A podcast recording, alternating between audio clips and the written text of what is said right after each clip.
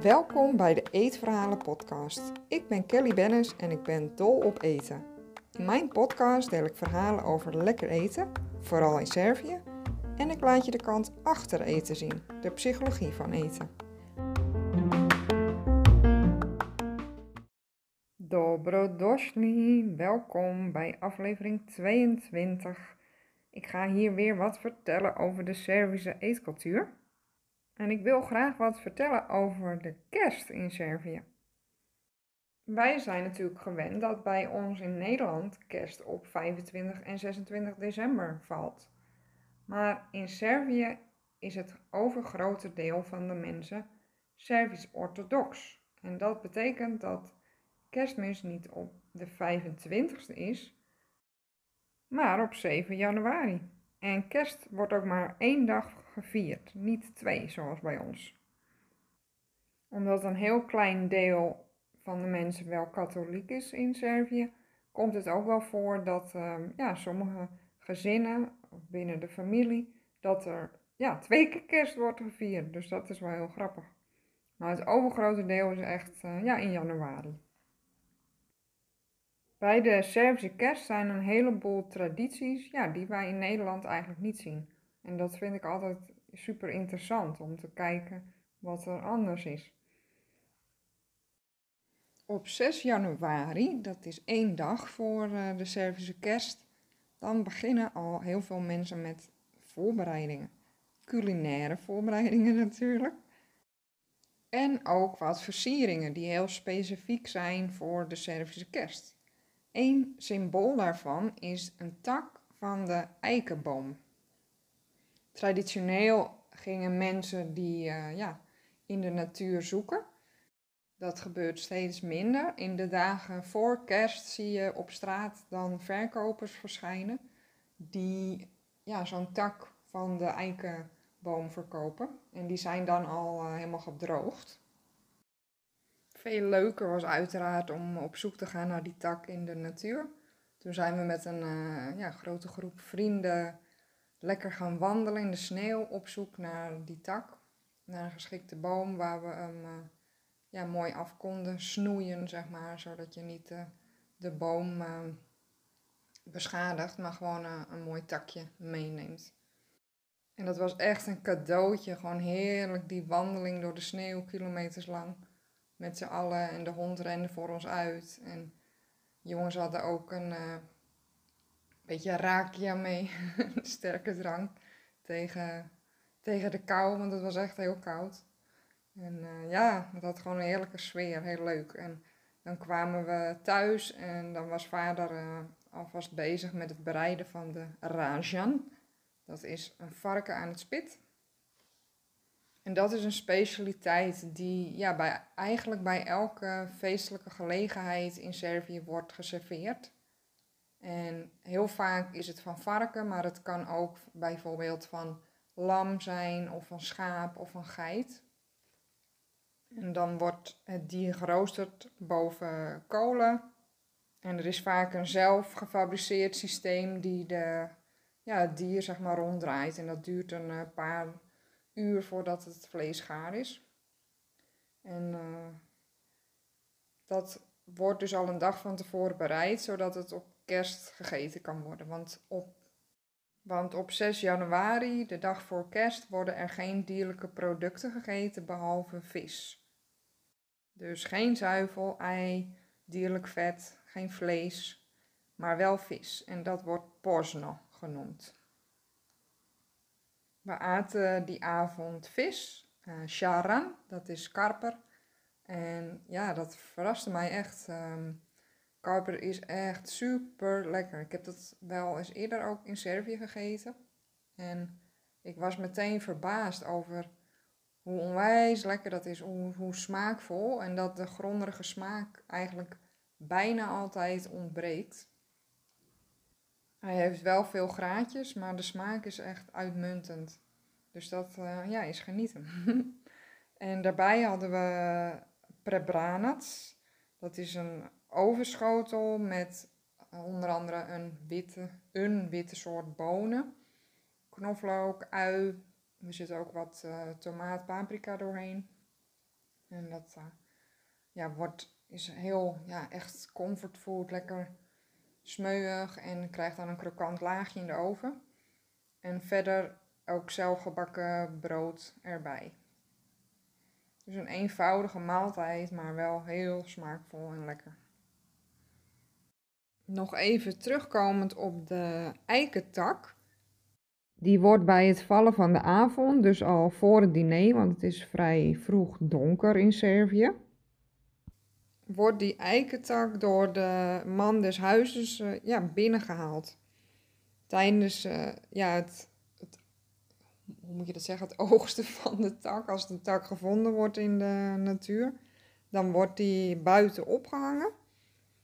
En s'avonds wordt die dan binnengehaald en dan wordt er ook... Uh, gedroogde mais en tarwekorrels op die man van het huis gestrooid als hij binnenkomt met die tak.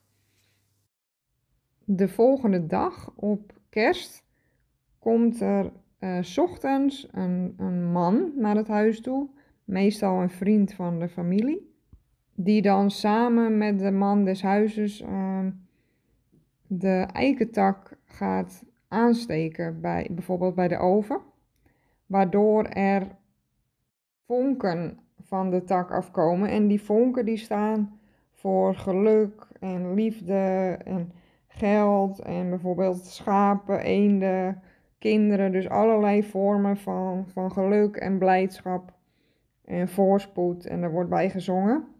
En dat is dus allemaal heel symbolisch. En ja, die man die dan ook komt, die, die kan dan ook weer met uh, mais en tarwekorrels uh, bestrooid worden, verwelkomd worden. Na kerstmis worden die uh, takken weer naar buiten gebracht. En worden ze bijvoorbeeld in de fruitboomgaard gehangen. Dat hebben wij gedaan. Voor geluk en een goede oogst, dus het komende jaar. En of er wordt een vuur meegemaakt buiten. En in, op het platteland zie je ook nog wel dat het niet een takje is, maar echt een boom of een halve boom die in huis staat, uh, een eikenboom. Dus daar zit ook nog wel een verschil in. Die eikentak zie je dus al uh, op kerstavond in huis en ook op kerst zelf. En wat je ook ziet uh, op tafel is tarwegras. Die wordt al gezaaid op 19 december. Dat is een van de slava's, een van de vele slava's in het jaar. Slava is een feest van de huisheilige en dat is bij iedereen een andere datum. En op 19 december is dat Sint Nicola. Vergelijkbaar met onze Sinterklaas, want ook deze Sint Nicolaas geeft cadeautjes aan de kinderen. De tarwegras wordt dus dan al gezaaid, zodat het precies op kerst groot genoeg is. Eigenlijk dus sterk genoeg. En dat geeft ook weer aan dat daardoor de gewassen uh, op het land ook zo sterk zullen zijn. Dus dat geeft dan ook weer voorspoed. Oh ja, en nog een leuk detail over de eik. In de Slavische mythologie is de eik een heilige boom. Zoals je al hoort, een heleboel ja, rituelen, symbolen. En dat is erg leuk om allemaal mee te maken. Dat, ja, dat uh, kennen we niet in Nederland, deze symbolen. Dus ik vond dat wel heel bijzonder. Over naar het eten. Ja, ik heb al een beetje verteld. Uh, de dag ervoor hebben we rajan bereid. En als je varken van het spits snijdt, of het andere dier wat je hebt klaargemaakt, dan heten de stukjes vlees die je daar afsnijdt, heten pechenje. Dus dat zijn, je kunt het vertalen als iets gebakken, want pechi betekent bakken. En pechenje is dus iets wat gebakken is en dat zijn dus de plakjes vlees. Die worden koud geserveerd als je nou het ooit zou meemaken dat je rajan ziet die klaargemaakt wordt, uh, warm, zo van het spit, is het allerlekkerste. Dat is echt zo lekker. Ik vind dat echt heel jammer dat het altijd koud geserveerd wordt uh, in Servië. maar dat is, uh, is heel gebruikelijk daar. Er is ook een speciaal brood waar een muntje in zit verwerkt. En dit brood wordt of voor de maaltijd, al, al eerder op de dag, in de, in de late ochtend, voor de lunch, dat het uh, brood met de hele familie zeg maar, in stukken gebroken wordt. Tot een uur of vijf met de lunch in Servië. En ja, degene die het stuk brood met het muntje heeft, die heeft uh, ja, extra geluk en voorspoed dat jaar. Je pakt het brood met het hele gezin vast, dan wordt het rondgedraaid en iedereen trekt er dan een stuk af. Ja, en dan is er één lucky one met, uh, met het muntje erin. Dus ook weer een heel mooi ritueel. De maaltijd wordt begonnen met een, een, een simpele bouillon, maar echt ontzettend lekker. Uh, bijvoorbeeld bereid van, van kip en allerlei groenten. Vervolgens wordt er sarma geserveerd. Dat, wordt, dat is gefermenteerde kool. Dat heet kiezelikupus. Daar hebben we ook een aantal podcasts over opgenomen. Aflevering 4, 16 en 20, waarin we je uitgebreid uitleggen hoe we kiezelikupus, dus Servische zuurkool, maken. En de vorm die wordt gebruikt voor sarma, dat zijn, ja, de kool wordt dan heel gelaten, in zijn geheel gefermenteerd. En die kan je er dus mooi afhalen als het gefermenteerd is, als het klaar is. En dan zijn ze helemaal lekker een beetje zacht en doorzichtig geworden. En daarin wordt een vulling gerold van onder andere rijst en gehakt en allerlei lekkere smaakmakers. Je kan daarvoor ook een recept vinden op mijn website kellybennis.nl. En ook een vegetarische versie. En die sarma wordt heerlijk urenlang uh, gestoofd. En dat is een ja, heerlijke uh, rolletjes zijn dat die dus warm worden geserveerd. En vervolgens komt dus ook de rajan op tafel, de, de pechenje, de plakjes vlees, een groene salade erbij en ook uh, Russische salade. Dat heet Ruska salata. En ja, je ziet dat eigenlijk in heel veel keukens op de wereld. Dat is wel heel interessant, want ik kende het eigenlijk al vanuit Spanje. En salada russa, ook wel tapas. De Servische versie bevat aardappel, gekookt ei, wortel, dopertjes en kipfilet, augurk en uh, mayonaise. Augurkjes worden in het Servisch uh, kizali krastavats genoemd. En die zijn dus ook gefermenteerd. En daar wordt dus een, uh, ja, een salade van gemaakt.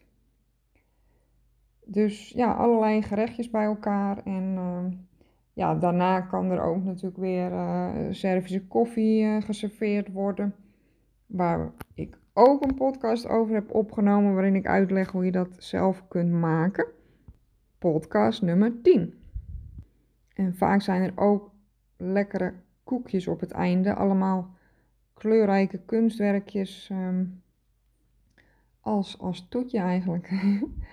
dus uh, allerlei soorten koekjes gebruiken ook vaak uh, oblanda. Dat zijn grote vellen. Eigenlijk een soort wafelvellen zou je het kunnen noemen.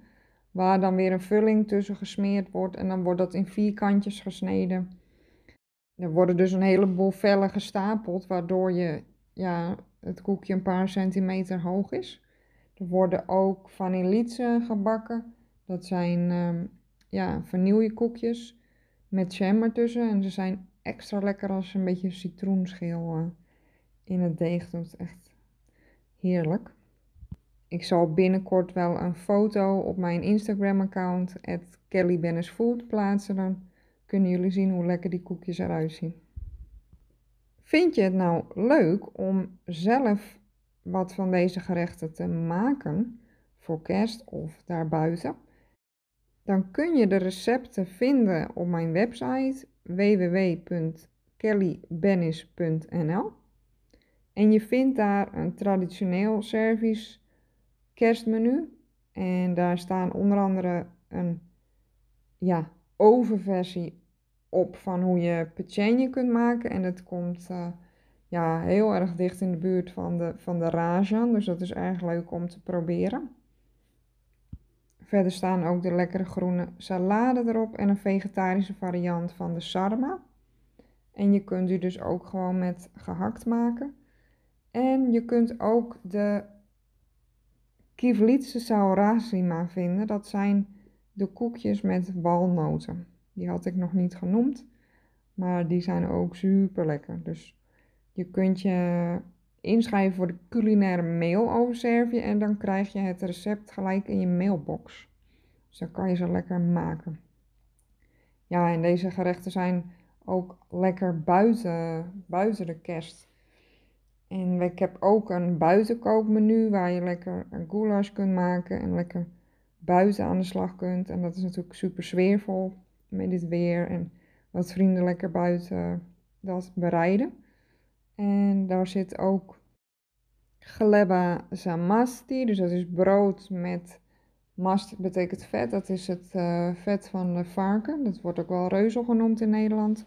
Lekker paprika poeder daarop en als toetje palatjinke. Dat zijn uh, lekkere flensjes en dan geef ik twee varianten. De traditionele met walnoten en suiker.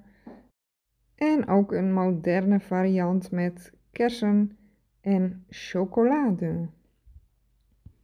Alvast priatno, eet smakelijk. En tot de volgende aflevering. En Gwala Puno, hartstikke bedankt weer voor het luisteren. Super leuk om van je te horen als je een van de gerechten hebt uh, uitgeprobeerd. Of als je me dan uh, een foto uh, op je Instagram-account plaatst en mij tagt Kelly Bennis Food. Dan kan ik ook meegenieten van jouw lekker eten. nogmaals bedankt en tot de volgende aflevering. Ciao!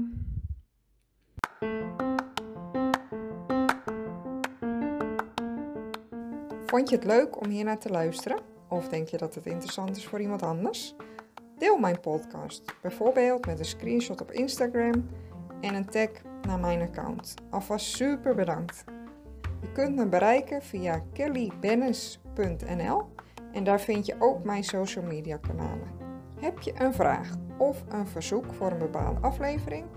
Laat het me weten. Dat vind ik echt super leuk als jij ook je input geeft. Tot de volgende aflevering.